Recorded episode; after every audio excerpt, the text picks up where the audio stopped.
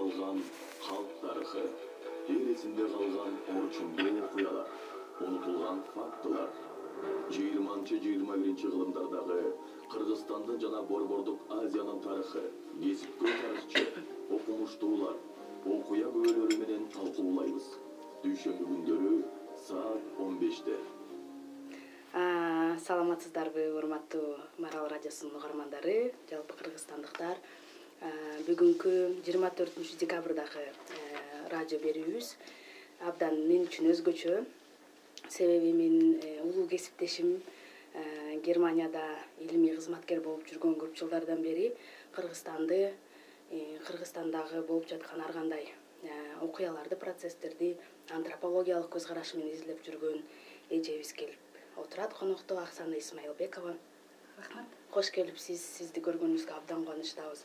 Чынында эле сизди кыргызстанда э, экениңизди уккандан кийин мындай э, дароо эле ушундай идея пайда болду да ушул эфирге чакырсам дегенчи себеби э, мен антропология менен таанышып анан ушундай кыргызстанга келип баштаганда баары эле айтып да антропология деген эмне кимсиңер эмне иш кыласыңар деген сыяктуучу анан сиз бул чөйрөдө изилдөө тармагында көп жылдан бери иштеп келеатасыз бирок азырынча чет өлкөдөсүз э ошондуктан ушул суроомду негизи эле ошону талкуудан баштасак да антропология дегенди кандай түшүндүрөбүз биз негизи?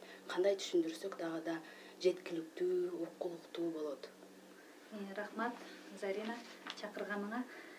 Аябай кубанычтамын ушул жерде отурганыма. Э, сен айткандай дебют болуп атат мага э, негизинде антропологияны мен американский университет орто азиядагы э, антропология факультетин бүтүргөм. Эки миң бешинчи жылы андан кийин англияда бир жыл окуп андан кийин германияда э, беш жыл диссертациямды жаздым. Азыр макс планк институт э, антропология институтунда изилдөөчү болуп иштейм. Антропологияны бир эки үч сөз менен айтыш кыйын. Кыйн бирок эң негизгиси бул азыркы жашообуздагы процесстерди изилдөө салт болобу саясий мобилизациялар болобу. Негизи антропология аябай бүт э, э, жашоодогу коомдогу тармактын баарын камтый алат да анан азыр аракет кылам. Ушу интервью процессинде. Сүйлөшкөнгө мисалдарды берип анда негизи ошол э, бизде азыркы кыргызстанда анан кыргызстан менен чектелбестен орто азия чөлкөмүн алалы да регионду. Э бул антропология билими илими өнүккөнбү кандай өнүгүп атат сиздин байкооңузга караганда ушу мындай бир аз э, анализ кылып берсеңиз. Келечеги барбы бизде жаштар мисалы үчүн антропологияга кызыккандар пайда болсо аларда келечек барбы ушу иштеп кеткенге дегендей. Э, э, негизинде э, дүйнөдөгү антропология илимине орто азияны изилдеген окумуштуулар кийин эле келип баштаган да. Биринчи батыштын окумуштуулары мисалы сексенинчи жылдары изилдөө мүмкүнчүлүк болгондо эле келген. Андан кийин алардын биринчи иштери токсонунчу жылдары пайда болуп англис тилинде. Анан көп окурмандар окуп баштаган орто азияны билип. Бирок негизинде ссср учурунда Э, этнографтар бар болчу алар алтымышынчы сексенинчи жылдары көп орто азияны изилдеп себеби москвадагы илимий академия жакшы каржылап турган да көп чоңдогон экспедицияларды изилдөөлөрдү э, каржылап э, андан кийин могу кризис башталгандан кийин токсонунчу жылдан кийин кыйын болуп калды. Биздин өзүбүздүн институттар э, ушундай чоңдогон экспедицияларды каржылаганда анан акырындап ошо токсонунчу жылдары токтоп калгансыган да себеби көп э, окумуштуулар өздөрүнүн э, илимий иш эмес өздөрүнүн жанын багуу биринчи орунга келип калган да анан бирок акырындап жылыш бар. Биздин дагы батыш окумуштуулардын арасында антропология орто азияны изилдеген жыл сайын өсүп баратат. Мисалы токсонунчу жыл менен эки миңинчи жылды карасак аябай көптөгөн илимий иштер чыкты. Эки миң он төрттөн баштап бүт тармактагы антропология изилденип баштады. Мисалы э, лингвистикалык антропология экономикалык саясий антропология менен көп окумуштуулар азыр изилденип изилдеп ушул темага ошо темаларды ушундай эметип башташты кызыгуу пайда болуп баштады. Анан дагы бир өзгөчө азыр батыш менен э, өзүбүздүн окумуштуулардын арасында активдүү иштер болуп жатат. Көптөгөн кызматташтуулар бар кызматташтуулар бар. Мисалы илимий иштер э, жаралып жатат. Көптөгөн э, чогуу иштерди бир изилдөө кылып анан илимий иш катары э, чыгарып жаткандар да көп. Бирок анчалык көп эмес да. Бирок азыр процесс башталды десек болот.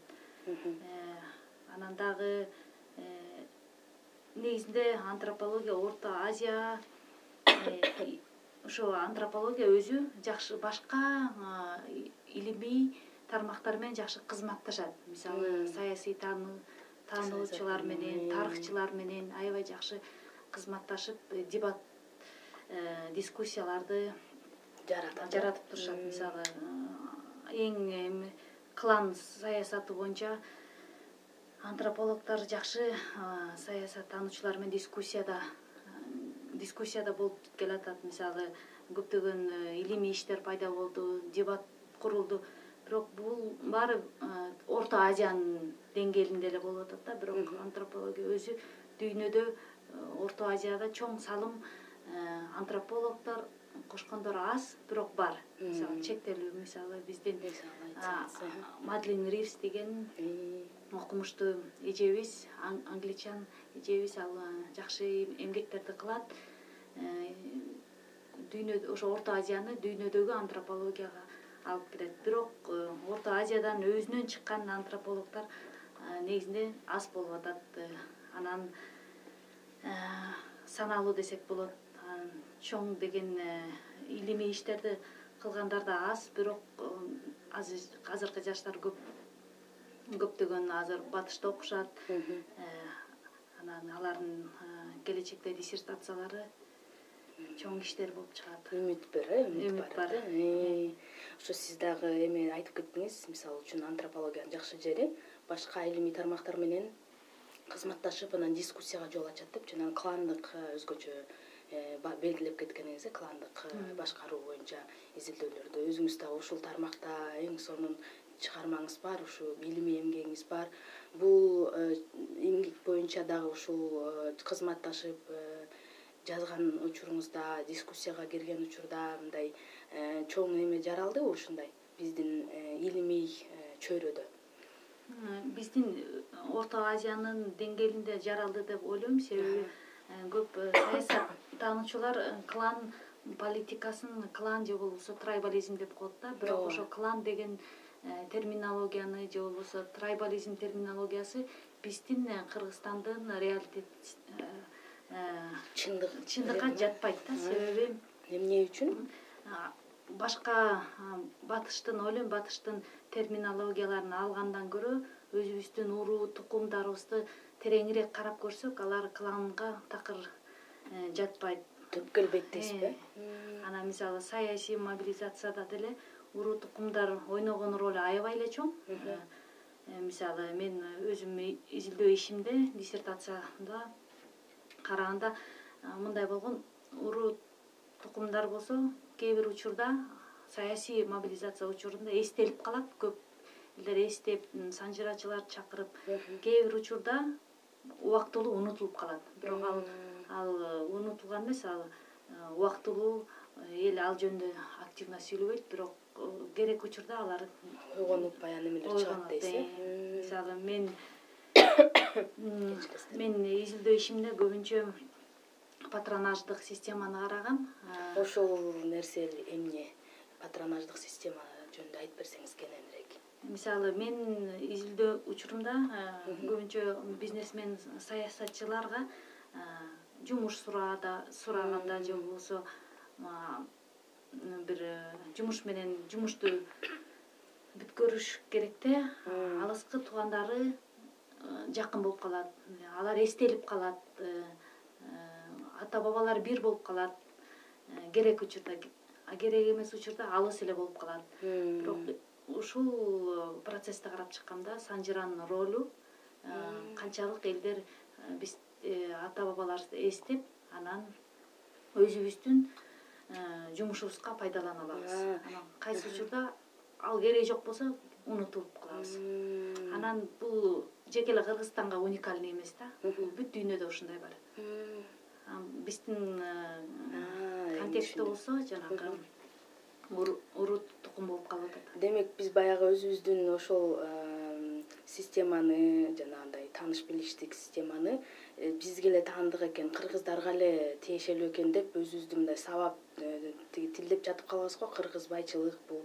Кыргыздар ушинтип жүрүп өнүкпөйбүз оңолбойбуз депчи демек дүйнөнүн баардык жеринде эле ушул система иштейт дейсиз э? Ооба ушул система бүт дүйнөдө иштейт. Бир учурда э, досчуң болуп калат. Мгм. башка мамлекеттерди башка мамлекеттерди э, мындай э, суб этничность деп коет ошо э, этникалык мамилелер көп ойлоо чыгып, ойноп калат биздин учурда тууганчылык монголияда деле тууганчылык бул такыр эле бизге уникальный эмес да бүт дүйнөдө бар ошон үчүн мен аябай бизде ушундай бар деп тим эле айтып берсем э, презентацияда конференцияларда бул силерде деле эмес биз жакта деле Баардыгыбызда бар дейт, э? ушундай Мм. комментарияларды көп угам да.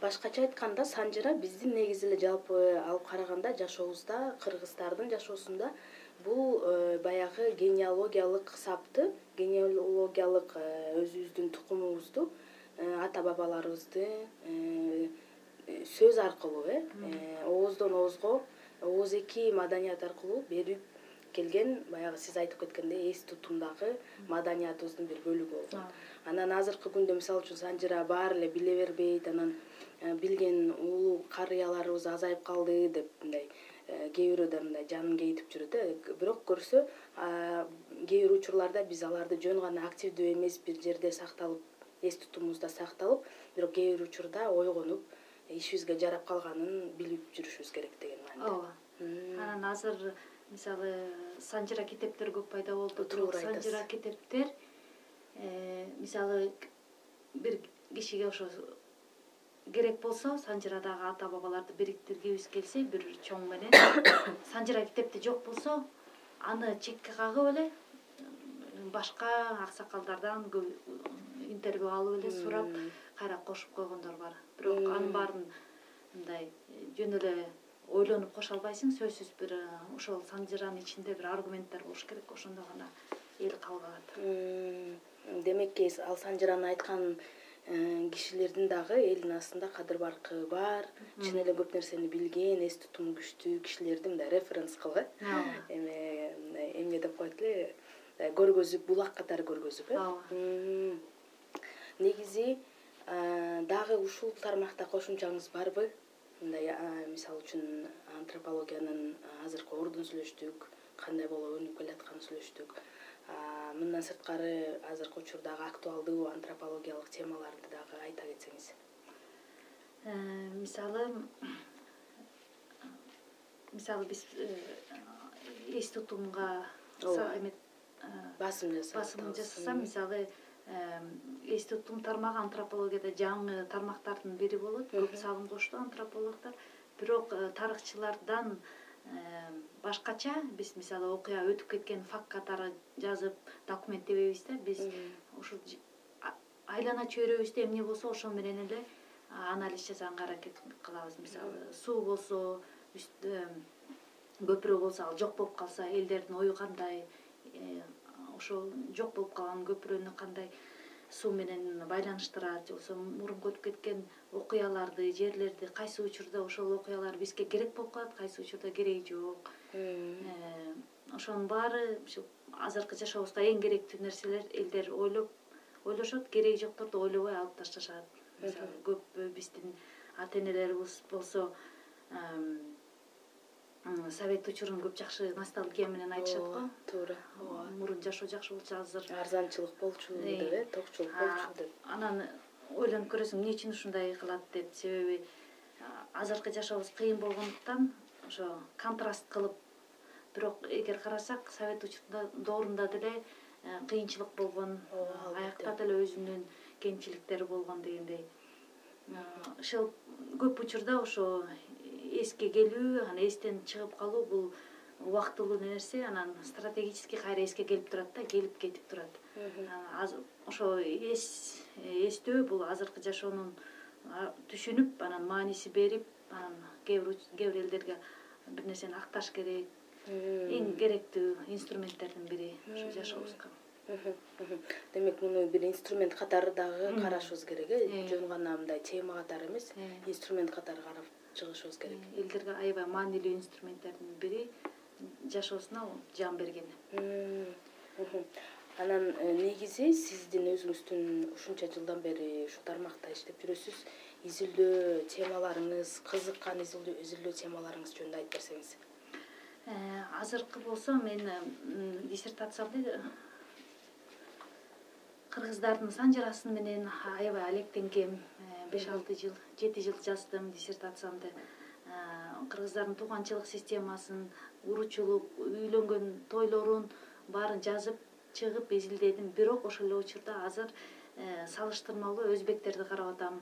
Өзбектердин тууганчылык системасын уручулугун үйлөнгөн тойлорун азыр болсо ошол темада изилдеп үч айга атайын кыргызстанга келгем ушул темада изилдегенге анан э, негизинде ушул. Э, кантип жүрүп эме мындай кандай изилдеп жүрүп анан өзбек туугандарды тандап калдыңыз? Аларда дагы мындай сиздин көңүлүңүздү бурган эмне болду? Э, көңүлүм э, эң негизгиси э, орто азиянын бүт тууганчылык системасы уникалдуу да. Мисалы кыргыздардыкы көп африканын тууганчылык системасына окшошуп кетет себеби мисалы биз ата жактын баарын бир эле терминология менен колдонобуз да ата эже сиңди деп эле иний ага деп. Тайке жакты мисалы кичүү тайке болсо же улуу тайке болсо баарына эле бир эле терминология тайке деп коебуз. Андай э, кээ бир африканын тууганчылык системасына аябай окшош экен. Анан э, өзбектердики дагы дагы уникалдуу э, көп мисалы арабиянын эме тууганчылык системаларына окшошкон системасы бар экен. Анан азыр ошол темада изилдеп жүрөм. Салыштырып канчалык орто азияда э, тууганчылык система аябай э, мындай катуу жакшы сакталган десем болот да. Мисалы кыргызстанда жети атасын билүү же болбосо ата тууган тууган уруктарын жакшы билишет. Э, мурунку проектибизде луис бехтолд деген коллегам иштеген. Ал анын изилдөөсү менен кыргыздар эки жүздөн беш жүзгө чейин туугандарын жатка билишет экен. Жатка дагы эмес төрөлгөн жылын айын э, кайсы жерде жашайт каякта иштейт. Э, өз жагы э, мисалы күйөөсү жагы кайын журт жагы тайке жээн бүт баарын билип баары бириккенде ошо куда менен чогуу бир беш жүзгө чейин барат экен ал. Бул демек аябай чынын айткандай э, эс тутумда эс тутумдун дагы уникалдуулугу э? Мындай автоматтык түрдө ошончо беш жүз кишинин туулган күнүн дарегин мындай билиш анан биз ойлойбуз биз билбейбиз деп. Мен өзүмдү изилдеп баштасам мен э, жолдошум жакты изилдей элек жатып өзүм жакты карасам эки жүз киши экен. Билет билген билген анан кайын журтуңуздарды кошуп көрсөңүз. Жөн эле төрт жүзгө жетчүдөй ошо анан азыр болсо өзбек элинин э, ошо тууганчылык системасын карап атам. Канчалык э, өзбек эли э, кайсы туугандарын көбүрөөк жакшы билет. Мисалы кыргыздар ата жагын ата уругун жакшыраак билсе өзбектердин арасында эне туугандарын аябай жакшы билет экен эне уруктук уйубуз дейт да. Мисалы көптөгөн эже сиңди кудалар көп болот алардын арасында мисалы кичинекей балдар кичинекей кезинде эле э, тиги тайке жактары менен тайэже жактары менен чогуу жакын болушат жакын э? болушат. Анан э, алар дагы бири бирине алыс кетпей жакын турушат биздикилер менен салыштырганда кыргыздар болсо көбүрөөк алыска турмушка чыккан соң алыс жакты кайын журт жакты көбүрөөк билип ата жакты көбүрөөк билип анан э, эне жак көп унутулуп калат. Бирок ар бир региондо ар кандай бирок негизинен классический модель да ушундай. Э, мисалы кээ бир азыркы табылгалардын бири мисалы өзбектердин арасында эне уругун аябай жакшы билишет экен бир эне уругу жүз элүү киши болот. Аябай жакшы билет мисалы тайкелердин балдарынын балдары же болбосо тай энелердин балдарынын балдарын биз кыргыздарда көп унутулуп калат да ошол жакта көп катышпай мен ошо кызыктуу нерсе болгон ошол тайэне жактагы э, информация аябай көп экен бирок кыргыздарда болсо ата жактагы чоң аталардын э, бир туугандарын мисалы балдарын көп кишилер билет. Ошо эки контрасттык кызыктуу эки элдин э, жакшынакай болгон тууганчылык системасын изилдеп. салыштырып жатам. Анын жыйынтыгында эмне болот? Э, бул илимий иш эмгегиңиз болобу кайсыл жерде жарыяланат канча тилде деп э, негизинде э, бул иш салыштырма иш бир бир эки үч илимий эмгек болот. Анан көбүнчөсү англис тилинде болот. Бирок мен дайыма аракет кылам. Өзүм жазгандарымды жокто орусча жазганга бирөөнү. Себеби мен интервью алып аткан э, элдерге дагы көрсөткүм келет да эмне кылып иш кылам э, кандай табылгалар эгер силер э, окуп көрүшө туура десе ошол алардын комментарияларын да алып көрөм. Анан азыркы учурда аракет кылам ошо кыргызча көбүнчө анан өзбекче менин табылгаларымды жазып чыкканга. Ошол эмени айтып калбадыңызбы э аларга э, өзүңөрдүн ошол барып интервью алып келген кишилердин дагы окутуп алардын оюн пикирин билгим келет дегенчи. Ушундай учурларда э, антропологдордун да мындай оорураак жагы ишинин ошол кишилердин баягы эмесине ишеничине кирип алар менен чогуу жашап көрүп баягы үй бүлөсүнүн баарын тааныгандан кийин чынында эле алар жөнүндө жазыш бир аз оор го деп эсептейм да. Анан аябай этикалык нормаларды сакташ керек э. Анан алар кийинчө кандай кабыл алышат? Ушундай сиздердин мындай э, байкоолоруңарды ушул жазган табылгаларыңарды кандай кабыл алышат? Э. туура дешеби же бизди мындай э, бир аз начар көргөзүп коюп турсуң деген учурлар да болобу? Көп учурда ишимдин менин оюмча менин ишимдин эң чоң баасы элдерден туура деген бааны алса бул беш алдым дегенге барабар болот.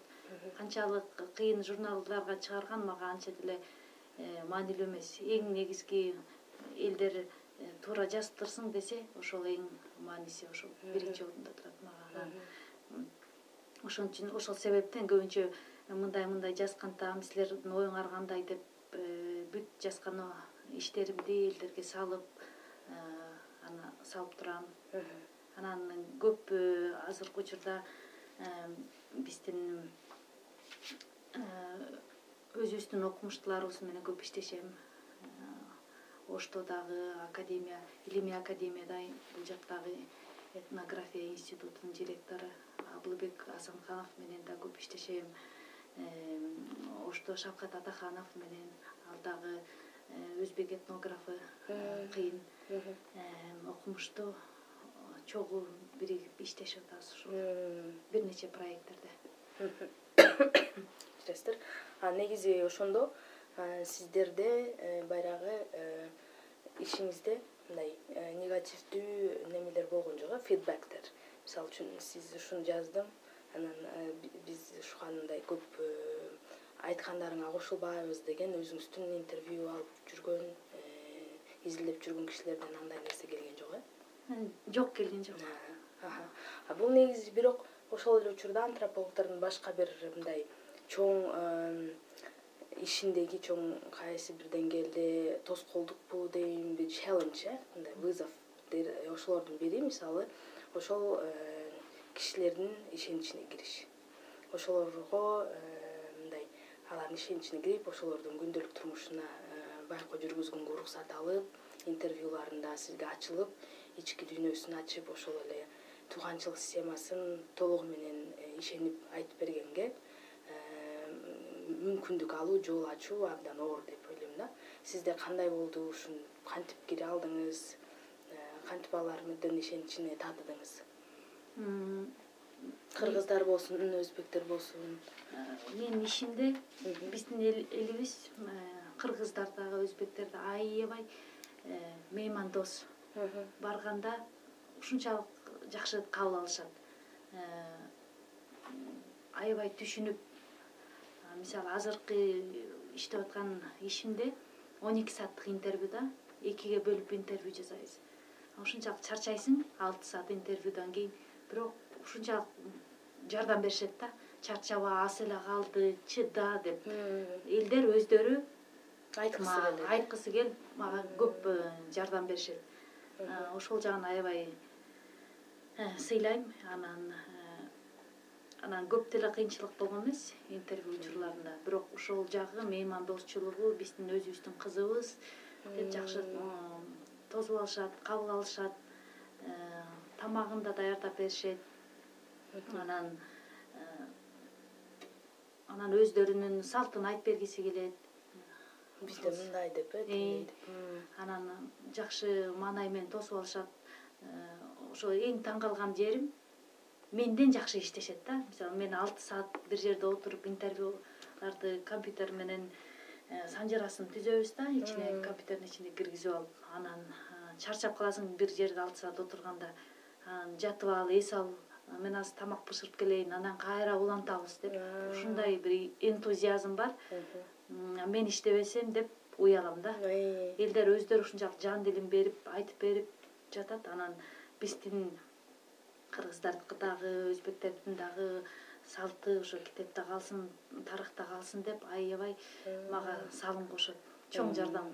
Муну угуш мен үчүн абдан мындай жакшы бир эме болду да жаңылык болду. Себеби менимче эми жаш антрополог катары жана келечекте ушундай э, талай изилдөөлөрүн өткөрө турган киши катары мен дайыма ушундай нерселер ойлондурат да мен барганда кандай кабыл алат болду экен? Анан э, сиз айткандай өз, кызындай болуп кете аламбы? Мага ишенишеби? Анан кийин алардын ишеничин мен актай аламбы деген сыяктуу суроолор көп ойлондурат да. Андан сырткары бул эми жалпы эле э, биздин а, жаш э, улуу антропологдордун баардыгынын эле бир башка көйгөйү бар болуш керек. Кыргызстанда менимче э, илим илим кылуу илимди жаратуу бир аз оор дегенге немеге келдим да мен. Өзүм жыйынтыккачы Э, башкача айтканда м, эгерде сиз байкаган болсоңуз э, антрополог болсун же социолог болсун көп эле мындай илимге өзүн э, арнагысы келсе дагы э, жашоодо э, чындыкта ошо реальностьте э, баягы курсакты тойгузуш керек кийим алыш керек э, жыртык кийим кийип жүрбөш керек да үстүңө бирдеме э, үйүң болуш керек деген сыяктуу. Буларды э, баягы камсыздоо үчүн менимче э, көбүнчө гранттык негиздеги долбоорлор менен эле иштеп чектелип калат да. Бул жерде илимий карьераны көрүү жеке мен өзүм ойлойм мүмкүнчүлүгү абдан чектелген жана жоктой эле сиздин ушул боюнча оюңуз пикириңиз барбы ушул ойго кошуласызбы менин оюма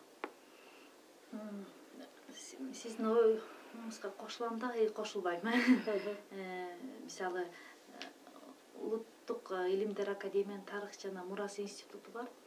Ал жака жыл сайын келген сайын барып турам профессор асанкановго ал канчалык э, бүт өзүнүн студенттерин баарын чакырып дайыма чакырып үйрөнгүсү келет. Э, балдарына айтат мындай батышта мындай методологиялар чыгып атыр мындай усулдар бар экен муну кылалы тигини кылалы деп ушунчалык энтузиазм бар да. Аны көрүп аябай сүйүнөм канчалык кыйынчылык кыйын болуп атса дагы ошо аракет кылып э, көп жаңы нерселерди үйрөнүп жаткан биздин ага эжелер- эжелерибизди көрүп күч берет. Канчалык кыйын болбосо дагы э, жолдорду тапса болот Э, мисалы гранттык изилдөөлөр болот. Ар кандай да мисалы мен көбүнчө гранттык изилдөөлөр үч жылдан беш жылга чейин көбүнчө ошондойлор менен иштейм. Ошо үч жылдан беш жылга чейин гранттык изилдөөлөрдүн ичинде жакшы илимий эмгекти жаратып койсо болот. Кыскалар дагы бар. Кыскаларда мисалы алар менен сүйлөшөм. Эгер аны ал материалды болсо кийин илимий ишка болбойт десе анда андайлар менен көп иштешпейм эгер бул материалдарды алып илимий иш катары колдонуп кылсак анда ошондойлор көбүрөөк иштешип жүрөм анда эгерде жанагы эле э, темабызды улантсак эс тутум боюнча э эс тутумдун э, биз ушинтип котордук да?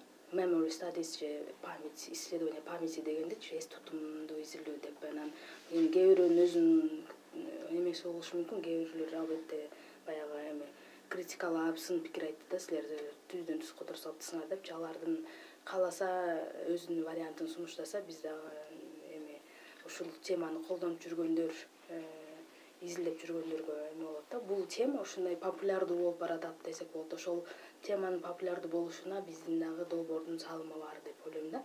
Анан сиз айтып кеткендей эле санжара китептери андан сырткары ошо мемуарлар же болбосо өзүнүн аталары энелери ушундай бир э, мамлекетке салым кошкон кызматкерлер болсо алардын өмүр баяндарын жазып китеп кылып чыгаруу дагы абдан өнүгүп баратат да. Бул тема дагы деле өнүгө бермекчиби келечеги кандай? Анан э, дагы да ушу антропологиялык э, эмени ыкманы подход э approachту колдонуп муну кандай жакшыртса болот биздин изилдөөчүлөр арасында сиздин оюңуз боюнча рекомендацияларыңыз барбы? Мисалы э, тарыхчылар өздөрүнүн э, ыкмасы бар кантип эс тутумду изилдейт антропологдор да өзүнчө бар саясаттануучулар өзүнчө. Анан бирок эң кызыктуусу бүт тармактын баарын карап көрүш керек баарын мисалы ар бириники өзүнчө кызыктуу да. Ар биринин өзүнүн ыкмалары бар усулдары бар. Ошолорду ар кандай жолдо колдонуп анан э, мисалы көбүнчө э, саясаттануучулар менен эле тарыхчылар э, көп ушул темада изилдегенсип турат. Азыркы учурда э? Антропологдордун деле салымы көп эле ушул темада изилдегендер. Мисалы азыркы учурда нарын менин коллегам бар нарын суунун элдер кантип ушул нарын сууну эстешет?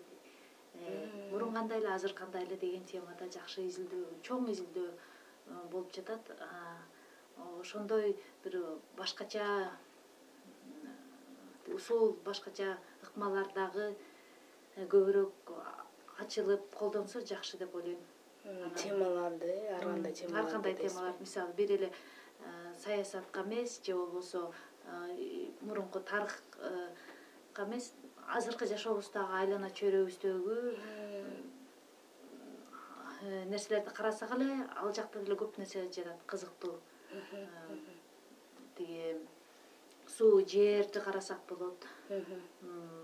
Кийимдерибизди э, өзүбүздү бир эле нерсеге камтыбай ачылышыбыз керек да кайсы нерсе кызыктуу болсо ошонун баарын камтып э, анан ошо антропологдордун ошонусу кызык.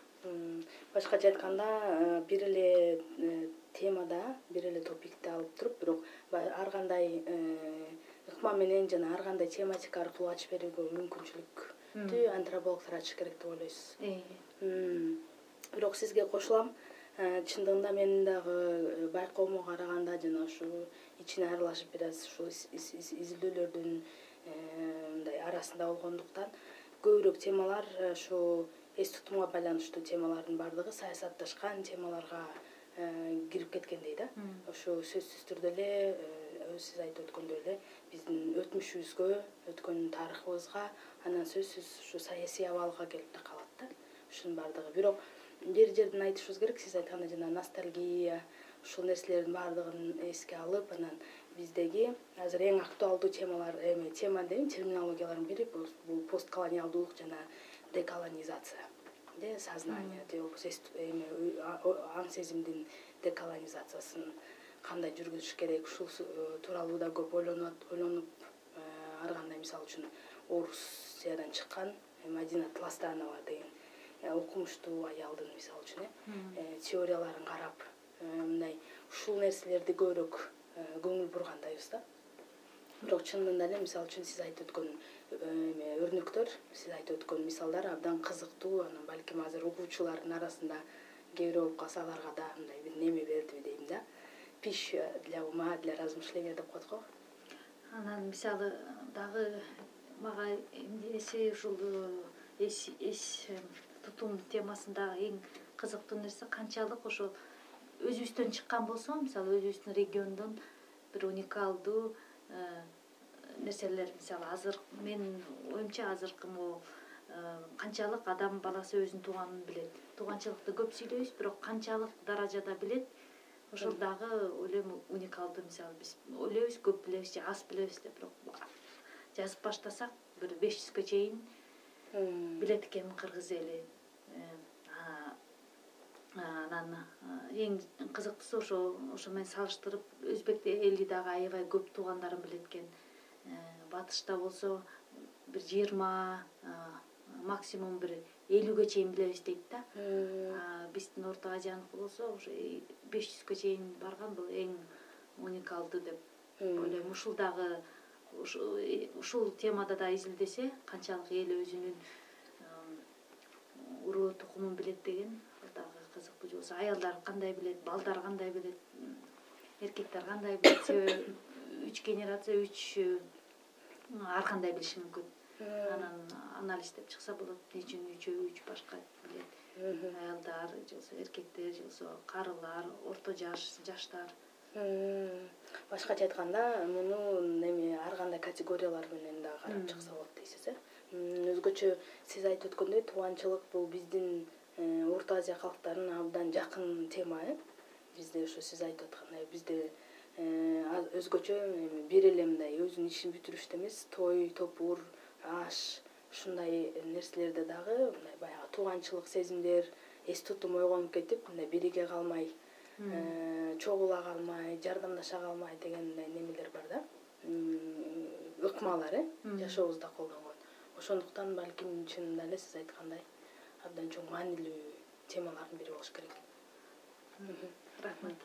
Рахмат. Анда эмесе э, урматтуу угармандар э, балким бизди көрүп аткандар да бардыр көрөрмандар бүгүнкү биздин э, эсимде бул жылдын акыркы программасы эсимде радиосунун радио берүүсүндө сиздер менен жолугушуп ушу жарым жылдан бери биздин өтмүшүбүзгө өтмүштөгү унутулуп кеткен тарыхта официалдуу тарыхта айтылбай көмүскөдө калып кеткен темаларды андан сырткары азыркы биздин э, кыргызстанга э, орто азия чөлкөмүнө актуалдуу болгон илим изилдөө антропология социология социалдык коомдук билимдер тармагындагы изилдөөлөр тууралуу ыкмалар тууралуу ушул э, изилдөө темалары тууралуу кеп кылып көптөгөн конокторду чакырып сиздер менен баарлашып сиздерге маек куруп берип келдик. Баардыгыңыздарга рахмат жаңы жылды жакшы тилек менен тосуңуздар баардыгыңыздар үй бүлөңүздөргө ар бир үйүңүздөргө кут береке ырыскы каалайбыз. Саламатта калыңыздар